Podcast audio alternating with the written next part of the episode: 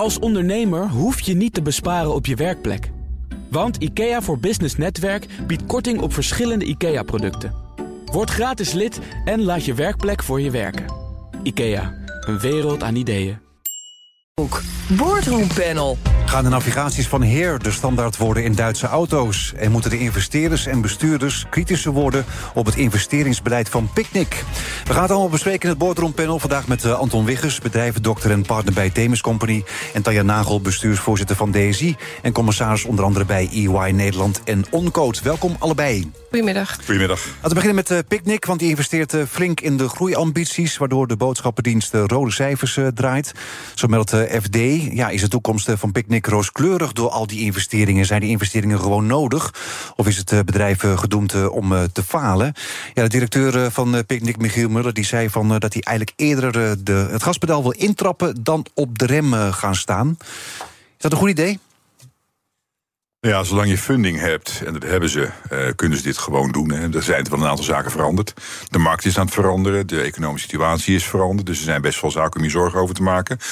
Maar vooralsnog hebben ze voldoende middelen en, uh, en uh, geld om dit te kunnen uitvoeren. Ja, want verlies is dit jaar verdubbeld. Ja. het jaar daarvoor was het verdriedubbeld. Dus het tikt lekker aan allemaal. Nou ja, de vraag is natuurlijk ook welke scenario's liggen hier aan ten grondslag als je verder gaat investeren.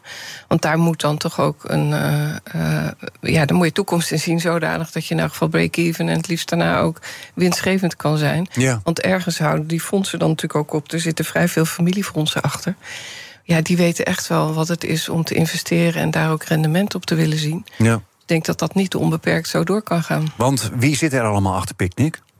Van Venten en van Vlissingen, de Rijken. Het zijn allemaal families die ook bekend zijn. Uh.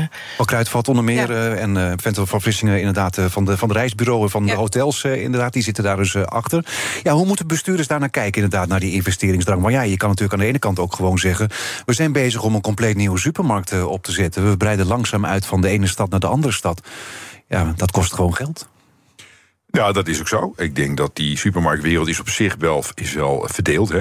Dus wat je gaat binnenhalen, haal je bij een ander vandaan. Qua pricing zitten ze zeg maar boven de Lidl, onder de Albert Heijn. En uh, nou, dat is een keuze.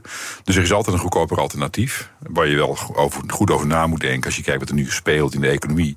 We hebben te maken met hoge kosten voor energie. Ja. We hebben te maken met inflatie, waardoor ook consumenten andere keuzes moeten maken. Er zal altijd een bepaalde doelgroep blijven, met name die op basis van het gemak dit willen blijven doen. Omdat ze het lekker gewoon thuis komen bezorgen? Ja, maar ik zou, me ook, ik zou me zeker zorgen maken als je ook nog de ambitie hebt om in, in, in Frankrijk en in Duitsland te gaan groeien. Dat zijn hele grote landen. Hm.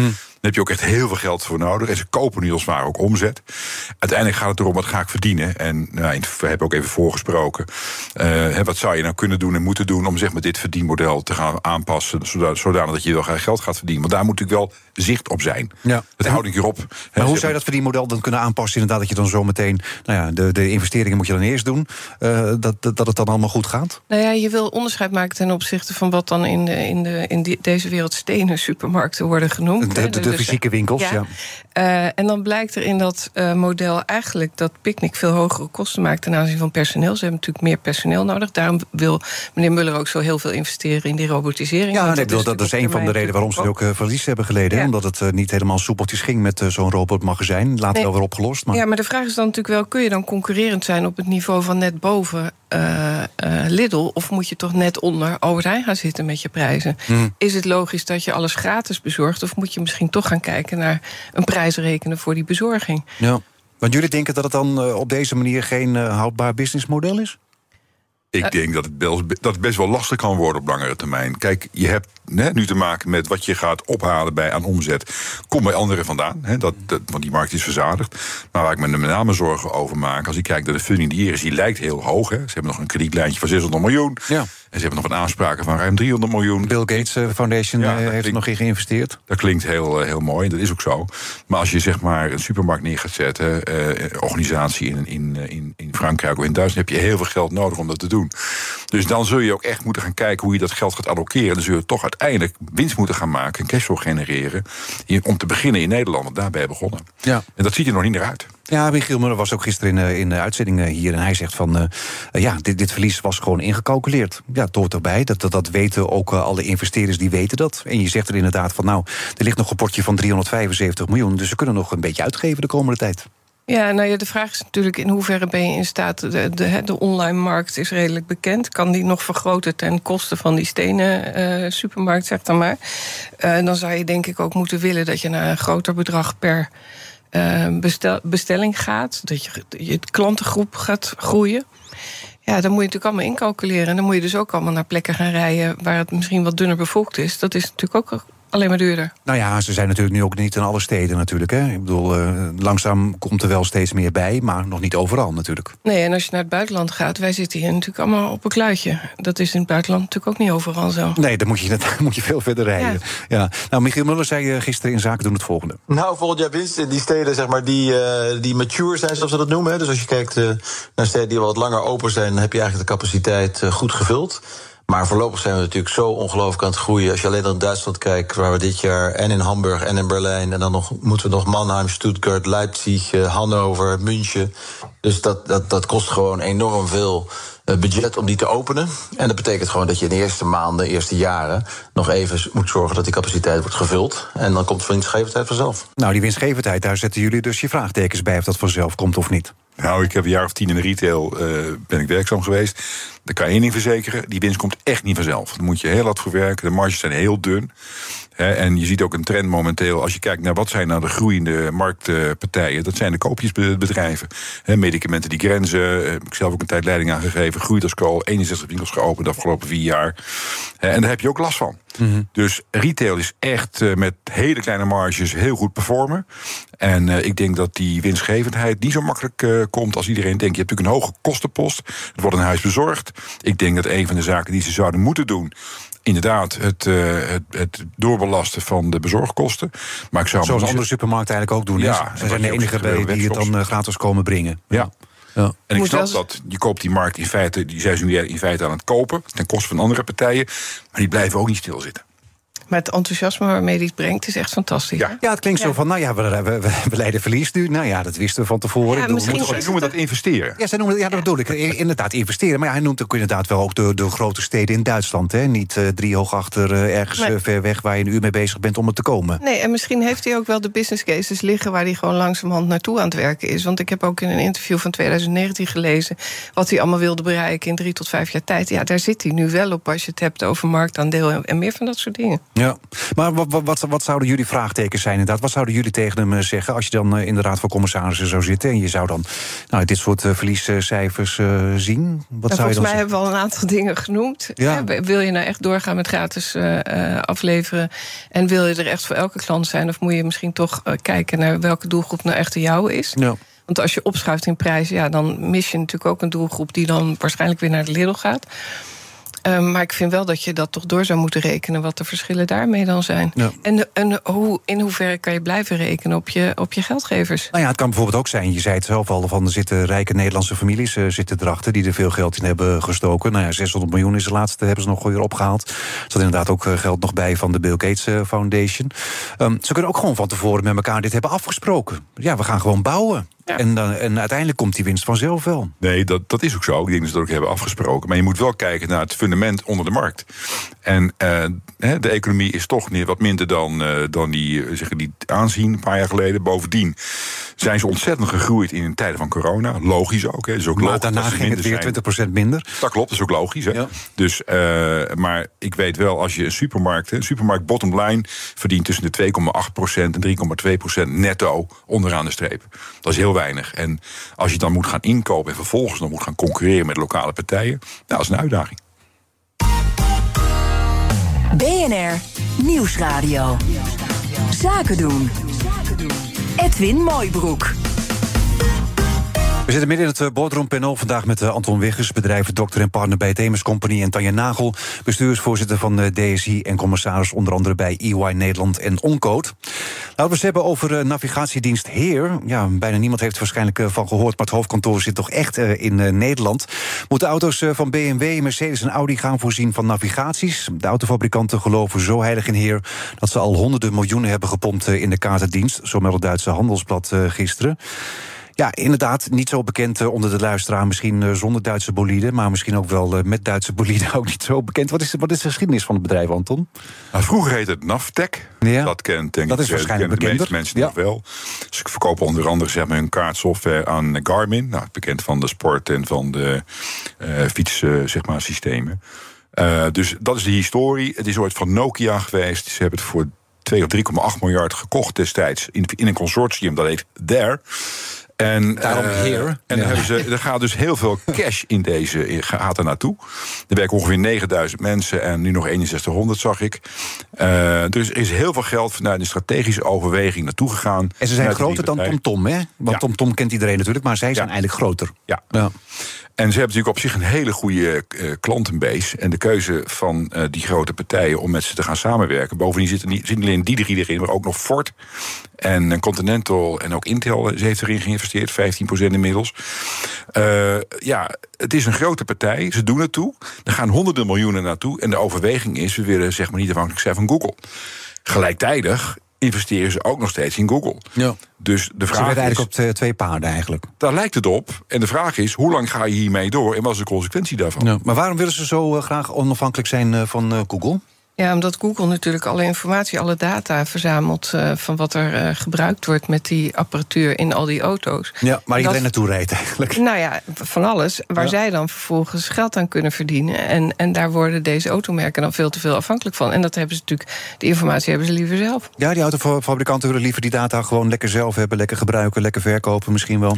Nou ja, kijk, in principe, als je kijkt naar de huidige businessmodellen, waarbij een auto via het internet wordt besteld, hè, dat is op zich normaal.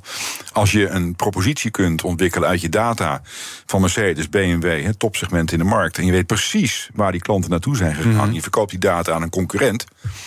Ja, dan, eh, dan ben je bijna kansloos. Het is echt een grote bedreiging. Dus ik snap heel goed dat ze daar iets tegen willen doen. Ja, dus ze willen niet afhankelijk zijn eh, van, eh, van Google. Maar ja, daarom hebben ze dus inderdaad honderden miljoenen gestopt in Heer.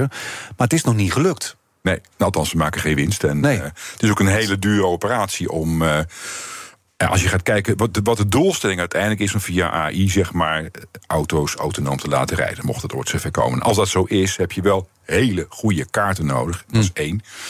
Als je ze hebt, moet je ze onderhouden voor de komende jaren. En op het moment dat je een situatie hebt dat de Wernagenbrug bi- dicht is, zal ik maar zeggen, zoals hier, dan moet er, Simpel. Daar rijdt water in, bedoel je? dan moet er, dan moet, precies, dan moet er dus iets zijn ja. waardoor je een alternatieve route krijgt aangeboden. Ja. Doe je dat niet, nou, in de Verenigde Staten heb je dan direct een claim.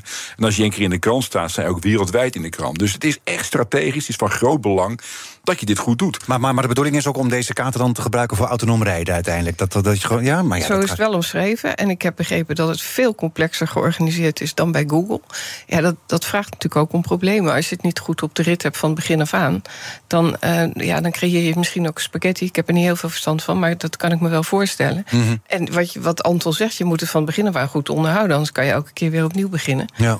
Maar de Denk- autonoom rijden inderdaad, dat is toch hartstikke ingewikkeld. Dat gaat toch, ja, dat, dat zullen wij niet meer meemaken, denk ik. Is suggestieve vraag, ik weet het niet. Maar Ah, jij misschien dan, Edwin, wij niet meer. die kant willen ze in ieder geval wel op. Ja. Dus er gaan dus honderden miljoenen naartoe. En Dat kost ook veel geld. Als je de 6100 mensen nog hebt werken van de 9000... geeft ongeveer aan wat de burn rate is aan kosten. Ja. Ja, als je dan ook nog klanten gaat verliezen die afhaken omdat ze het zelf gaan doen, ja, dan ben je heel gauw ben je dat geld gewoon echt helemaal kwijt. Dus, dus een, een, een, succes moet het ook gewoon gaan worden. Failure is not an option, maar je moet wel rekening houden als het niet eh, succesvol eh, gaat worden. Wat is dan het alternatief? Nou, Nou ja, Mercedes. Mercedes is al, in, is al in zee gegaan met de Google. Met Google, Ja, maar dus, dus je moet er wel. eigen versie. Ja. Ja. Dan zeg ik van als je dat dan toch al hebt, waarom doe je dat dan niet gewoon? Nou ja, Eh, omdat ze die data gewoon zelf willen houden. Maar ze werden nu inderdaad op eh, twee paarden. Dus, eh, Audi, BMW en eh, Mercedes hebben in totaal 354 miljoen euro eh, erin gepompt. Ja, ik bedoel, wat, wat zouden jullie doen als je bestuurder zou zijn van eh, zo'n bedrijf? Want ja, je wil eigenlijk die data zelf hebben. Je geeft ze misschien nog wel een kans, maar je hebt het dan toch weer nodig. Dus daarmee ga je dan toch wel weer in zee met Google. Ja. Wat- Ja, de hoe, hoe, hoe, lang, hoe lang ga je daarmee door? Ja, ik zou denken, onder welke voorwaarden kan je met Google samenwerken... zodanig dat jij ook wat met die data kan? Nou, volgens mij heeft Mercedes geprobeerd toch om de afspraken over te maken over wat er met die data gebeurt. Ja. Ja, je weet, je weet het gewoon nooit. Hè? Want als je kijkt naar hè, eh, onder welke jurisprudentie valt... of welke, eh, welk land is eh, zeg maar de wetgeving van toepassing... strafrecht, aansprakelijkheid... dat wordt gewoon heel erg lastig om dat goed te kunnen doen. Dus het is ook echt strategische spagaat in de boardroom. Dus vandaar dit eh, duale beleid, wat heel veel geld kost. Ja. Ik denk als... eh, Eh, als ik het zou mogen zeggen, zou ik gewoon volop inzetten. Als je zegt van ik wil niet afhankelijk zijn van Google, dan moet je volop inzetten op je eigen ontwikkeling. Dan mag het ook geld gaan kosten. Dus gewoon doorgaan. Maar dan zou ik stoppen met Google. En ja, maar doen- je hebt toch uiteindelijk toch iets nodig. Ik bedoel, als je nog niet kan, eh, kan leveren. Ik bedoel, je klanten willen ook iets. Ik bedoel, begrijp zelfs eh, de- de- dat je in de Mercedes binnenkort ook YouTube-filmpjes kan kijken via Google. Dus eh, ja, wel als de auto stilstaat, hè, dat is daar dan wel. Maar, je dat, maar dat zou, daar zou je dus beide van kunnen doen. hè. Ja. Als je die Google-filmpjes wil bekijken. Be my guest. Ja. De, strate- de strategie rond, rondom de data van onze bereiders, dat doen we zelf. Ik heb zelf een auto, nou, daar, daar moet ik ook in Google eh, moet ik gaan zitten om, eh, om erbij te kunnen. Dat vind ik eigenlijk helemaal niet prettig. Ja. Maar waarom kunnen wij dat toch in Europa zo slecht? Hè? Ik bedoel, we, we proberen inderdaad een soort van tegenhanger... eh, proberen die Duitse automerken proberen te ontwikkelen... en, dan- dan, dan, dan, dan lukt dat niet. Nou, Dat- dat omdat moeten wij toch ook kunnen? Als, als je kijkt naar alle rechtszaken de afgelopen jaar, inclusief zeg maar de aansprakelijkheid van Microsoft onlangs, dan blijkt iedere keer weer dat die data worden misbruikt door die grote Hmm. techreuzen. Ja, dus daarom zou je er juist iets tegenover moeten kunnen zetten misschien. Juist, Maar, juist. maar ja, als je de data niet verkoopt, wat is dan het verdienmodel misschien Ja, ook wel? Hè? dat denk ik dan Ja. ook. Ja. Ja, gaan daarmee wordt het ook we weer een beetje in Mercedes. Ja. Ja. Maar goed, wat eh, stekker eruit of doorgaan? Ja, ik, eh, ik weet het niet. Maar als je er zoveel honderden miljoenen in gooit en het levert niks op, dan is wel de vraag: eh, wat bepaalt dan dat je er. Hè, wanneer hou je er dan wel mee op als je er nu nog mee doorgaat? Ja, want anders ben je misschien wel honderden miljoenen nu eh, weg aan het gooien. Inderdaad ook. Oké, nou, we gaan naar de e-bikes. Want eh, van eh, niet aan te slepen naar eh, niet kwijt kunnen in de opslag. Door de afgekoelde economie hebben fietsfabrikanten en eh, dealers een overschot eh, aan e-bikes in hun eh, voorraad. En hierdoor eh, geeft een van de grootste spelers Axel met merken als Batavia, Sparta en Koga honderden euro's aan korting, meldt het FD. Zijn jullie op de elektrische fiets gekomen? Nee, met die hybride auto. Met de hybride auto, dat mag ook. Ja. Tanja, jij op de elektrische ik ben met de auto gekomen. Ik kom uit Den Haag. Is een beetje ver fietsen. Ja, maar heb je er een? Ja. Ja. En eh, ik, ik gebruik hem ook echt in plaats van een auto. Dus als ik naar, ik woon in Breukelen, en als ik naar Utrecht ga of naar Amsterdam, dan neem ik de fiets. Het Ja. rijdt heel slecht weer. De echte fiets of dan de e-bike? Nee, de e-bike. de e-bike. Eh, en dat ja. bevalt heel goed naast andere fietsen die ik heb. Dus ja, ik gebruik hem regelmatig. En het ding is best duur geweest. Ja. Oh, je Dus hebt zo van, zo van moof. Nee, nee. nee, ik heb een specialized. Oh ja, Maar goed, eh, een dure fiets. Maar die fietsen zijn gemiddeld kosten ze 2600 euro. En als ze 200, 300 euro goedkoper zijn... Ja, dat dan bereik je ook weer een andere doelgroep. Maar ik denk dat de afgelopen jaren... enerzijds de prijs ook hoog waren omdat de vraag hoog was. Ze raakten die fietsen wel kwijt. Hm. Er is een enorme schaarste geweest aan onderdelen de afgelopen jaren. Niet alleen bij Van Moof, maar ook bij eh, fabrieken van Shimano... die ook dicht waren in het Verre Oosten. Dus die dat was er gewoon niet. Ja, en er is denk ik toch eh voortgeborduurd op een vraag die er misschien eh, niet meer zou zijn. En dat is wat je nu ziet. Als je nu een fiets gaat bestellen, ik heb het ook even geprobeerd, dan kun je kiezen welk model je wil van 2022 of 2023. Ja. Maar hoe Dus- komen ze nou ineens aan de overschot dan, inderdaad? Nou, omdat de vraag ingestort is. Ja, En die fietsen zijn uiteindelijk natuurlijk wel geleverd. ja. Maar ik vind het wel interessant, want Axel is vorig jaar overgenomen door KKR. Ja. Ja, die hebben dit natuurlijk allemaal niet voor ogen gehad in hun berekeningen. ja. Nee, Nee, dus nee. dat is een beetje vervelend eh, voor de directie daar, denk ik. Ja. Nog meer dan normaal gesproken. Snap je dat, dat mensen minder e-bikes kopen? Ehm, nou, de vraag is, eh, kopen ze mi- minder of hebben ze er alleen? Weet je, op een gegeven moment is die markt natuurlijk al verzadigd. Ik geloof dat we iets van 3,5 miljoen eh, e-bikes in Nederland hebben. Ja.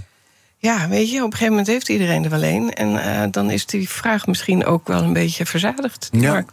Dan, dan ja, raak je ze gewoon aan de straatstenen niet meer kwijt. Maar je kan misschien ook zeggen dat de populariteit van elektrische fietsen na de pandemie misschien ook een beetje eh, afgenomen is. Want in de pandemie, ja, je kon natuurlijk niet zoveel. Stukken fietsen, hè, was misschien wel le- lekker ook. Nee, dat is zo. Maar die mensen hebben dus een fiets. Die zullen hem niet zo snel verkopen, want die levert helemaal niks op. Hè. Dus, dus die houden hem wel. Dus er zit ook niet een soort van, nou, ik ben net als bij een auto, nou, ik ben wel weer eens toe aan een nieuwe. Dat gebeurt dan denk ik ook niet. Nee. Nee, en in eerste instantie werd misschien ook wel gedacht dat het iets voor oude mensen zou zijn, een eh, e-bike. Maar ja, dat is natuurlijk lang niet meer zo. Hè? Ik bedoel, je ziet tegenwoordig iedereen op zo'n ding. Ja, ja. Ja, als je kijkt, als je dit vertaalt, hè, wat we nu bespreken, die korting van 2 tot 400 euro, laten we zeggen 300 euro. En er zijn 855.000 fietsen verkocht door Axel vorig jaar. Dan praat je over een bottom line resultaat wat 266 miljoen lager is. Daar zou men het toch wel zorgen over maken. Ja. Tenzij het is ingecalculeerd. Maar met partijen als KKR, die eh, houden wel van statistieken, maar alleen maar statistieken die omhoog gaan. Dus ik denk dat daar best wel discussies eh, worden gevoerd. En ook echt problemen gaan ontstaan. Ja, je denkt echt dat het verkeerd is ingeschat. Dat ze dachten van deze markt die blijft wel. Ik bedoel, dit, eh, die Ja. e-bike die blijft wel, die Ik- blijft wel verkocht worden. Ja, is dat verkeerd ingeschat? Ja, hè? Met, met, in hindsight kan je dat zeggen. Maar misschien was het toen wel een hele logische keuze. Mhm. Uh, en, en blijkt de markt toch heel anders te opereren dan we gedacht hadden na uh, de pandemie. Maar het is wel een feit nu. No. En ja, ik weet niet of het er ook nog iets mee te maken heeft, maar naar de toekomst toe wel. Ik lag, las maandag iets in het parool waar stond dat een heleboel traumaartsen zich toch echt wel zorgen maken om inderdaad die oudere mensen die allemaal op die fiets kruipen zonder helm. Uh, dat het aantal mensen uh, met hersenletsel of andere breuken veel groter is dan toen we allemaal nog niet op die elektrische ja, ze zijn ook best gevaarlijk natuurlijk. Ik bedoel, ook als automobilist soms denk, denk je van, oh, er komt de fiets eraan. En die is er dan ineens heel snel, want die blijkt er op een elektrische fiets te zitten. Ja, ja. dat is best gevaarlijk. Dat kan best gevaarlijk zijn, inderdaad. Ja. Ja. Dus, uh, ik weet ook niet wat de toekomst van die dingen is. Hoor. Even trouwens een mededeling tussendoor. De landelijke pinstoring is uh, weer voorbij. Dus je kan overal weer afrekenen als je in de supermarkt uh, staat. Dat kon een tijdje niet vanwege een landelijke pinstoring. Maar je zou misschien aan de andere kant ook kunnen zeggen... van ja, die e-bikes die worden nu dan een paar honderd euro goedkoper. Jij zei al van, de, de, nou ja, jouw e-bike was nogal duur. Ik bedoel, misschien als die dan goedkoper wordt... dat misschien ook meer mensen denken van... nou, ik ga ook maar eens proberen. Ik hoor iedereen erover. Ik bedoel, zeker na het faillissement van Van Moof. Ik bedoel, e-bike is een hoor je elke dag in het nieuws natuurlijk ook. Ja, nou, er zijn van, van Moof zijn maar 180.000 fietsen verkocht. Dat valt ja. wel mee, moet ik zeggen. Ja. Het lijkt heel veel, is veel nieuws geweest. Ja, vooral Amsterdam natuurlijk ook. Ja, maar e-bikes, maar op dit moment uh, zo'n 45% van alle nieuwe fietsen die verkocht worden, zijn e-bikes. Dat is best fors, hè? Dus die markt die groeit echt uh, wel, maar ik denk langzamer dan iedereen verwacht. Ik denk dat de uitdagingen meer zitten in, als je kijkt naar het hele palet aan merken wat ze voeren bij Axel kan ik me voorstellen dat ze bijvoorbeeld één of twee platforms ontwikkelen en op details die fiets laten, laten afwijken. En toch moeten gaan kijken naar besparingen en, en, en procesoptimalisaties. Om ze nog goedkoper misschien ja. neer te kunnen zetten. Ja. Ja, nu is het echt bottom line, want die voorraad die is er gewoon. Die productiekosten die waren gewoon. En momenteel is het werkkapitaal een stuk duurder. Mm -hmm. De rente is enorm gestegen, dus je hebt daar echt wel last van, ook in je resultaten. Dus ze, ze moeten er vanaf. Het levert ook weer geld op. Aan de andere kant, dat ze dan minder werkkapitaalbeslag hebben waar ze iets mee kunnen gaan doen. Maar, maar, maar je zou dan die e-bikes niet goedkoper kunnen maken omdat ze gewoon zoveel kosten nu? Ik denk dat ze goedkoper zouden worden sowieso. Omdat zeg maar, de premium prijs die werd betaald in het verleden... iedereen betaalde gewoon de prijs die werd gevraagd. Ja. Want dat was niet aan te komen. Dat zal nu ook anders zijn. De concurrentie is groter. Ja, misschien zouden ze ook. Er zijn ook kosten op korte termijn die alleen maar omhoog gaan. Maar misschien moet je wel een hele andere marketing hebben voor een andere doelgroep. Die nu misschien nog niet op die elektrische fiets. Ja, ik zit Wie- er niet wie- op te wachten. Maar. Nee, wie zal, jij bent niet zo van de Nou, je elektrische zei fiets, net, eh, eh, nou, ik heb er eentje staan bij mijn huis in Ermelo, maar ehm, dan heb- zit ik altijd met een helm op. Ja. Eh, zo zie ik. Nee, laat maar. Ehm, Wat wil je zeggen? eh, nou ja, je ziet er niet uit met zo'n helm op je kop. Maar Ja, het, eh, ehm, je zou je kunnen bedenken dat er toch andere doelgroepen zijn. Hè? Je zei net ook jongeren stappen erop. Ja. Ja. misschien dat deze wel nou net weer niet hip genoeg zijn voor die jongeren. En je maakt weer extra kosten als je je op eh, eh, een andere marketinggroep richt. Ik las wel dat er kennelijk allemaal ludieke acties zijn om mensen hun vermogen in te laten leveren voor een andere elektrische fiets. Vond ik wel geestig. Ja, of, eh, of bij, auto, eh, bij auto's, dat je Ja. ook eh, korting krijgt. eh, stond vanmorgen in het, SD, in het FD. Ehm, Gezellig heeft aan de prijzen niet te hebben verlaagd. De topman eh, zegt daar, eh, ja, we zijn op dit moment eh, op een normaal peil... zijn de voorraden bij eh, Gezellen.